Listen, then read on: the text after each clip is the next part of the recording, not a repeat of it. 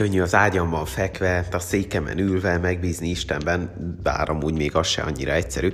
De vajon hogy viselkednék, ha az életembe, a jövőmbe, a munkámba kerülne az, hogy hiszek-e Jézusban vagy sem? Nabukodonozor király, a neve vicces, de mégis ő volt a világ egyik legnagyobb birodalmának az ura, egyszer arra gondolt, hogy az embereknek ki is kéne konkrétan fejezniük, hogy ő a világ ura, és jelképesen boruljanak le egy róla mintázott gigantikus szobor előtt. A jelenlevők közül Hananyá, Misáél és Azarjá viszont abban hit, hogy minden ember a világ feletti uralkodásra lett teremtve, és hogy a szobrok nem is annyira fontosak, hiszen minden ember egy igazi Istenről mintázott szobor. Érted, mire gondolnak? Egyszerűen nem lesznek hajlandóak egy embernek ilyen tiszteletet adni. Ezek akkor is, és a kanapénkon ülve is elég meglepően hangzanak.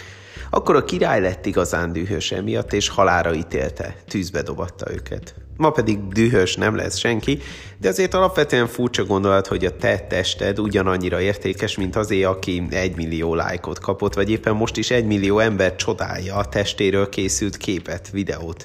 És konkrétan nem, de elvont értelemben téged is bármikor félredob a világ ami a korábbi történethez hasonlóan szintén konkrét testi fájdalmat vagy betegséget is okozhat.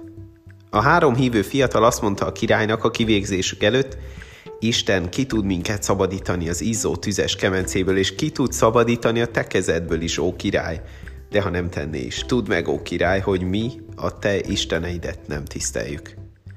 Mit tennénk akkor, ha 2500 évvel korábban élve a halálos ítéletemet várnánk a hitünk miatt? Mit tennék én? Nem tudom. De azt tudom, hogy valahogy ma is kiállhatok az örömhír, az ember testének méltósága, értéke, az emberi élet igazi értelme, küldetése mellett. Még akkor is, ha ez ugyanannyira népszerűtlen lesz, mint egykor. Az örömhír a legfontosabb, amit képviselhetek.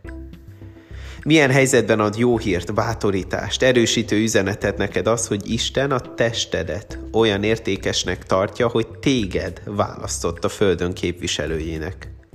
Ki mellé állhatnál oda, hogy erősítsd az Istentől kapott szeretet, elhívás reményével.